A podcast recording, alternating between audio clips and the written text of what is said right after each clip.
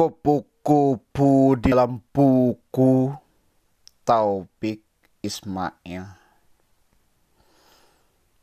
Ketika duduk di stasiun bis Di gerbong kereta api Di ruang tunggu praktek dokter anak Di balai desa Kulihat orang-orang di sekitarku duduk membaca buku dan aku bertanya, di negeri mana gerangan aku sekarang?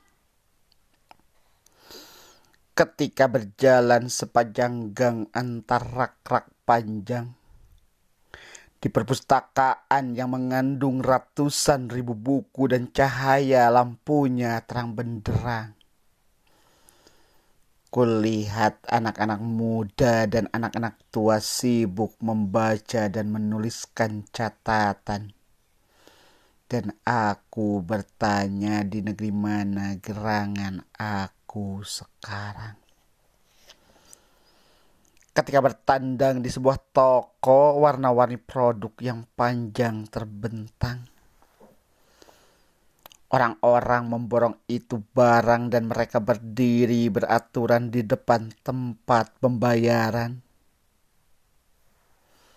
Dan aku bertanya di toko buku negeri mana gerangan aku sekarang.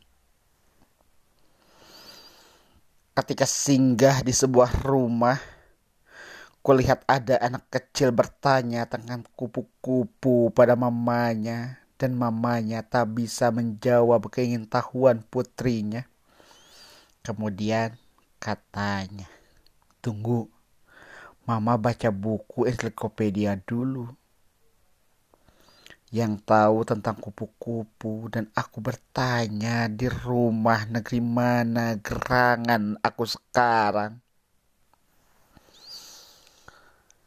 Agaknya Inilah yang kita rindukan bersama.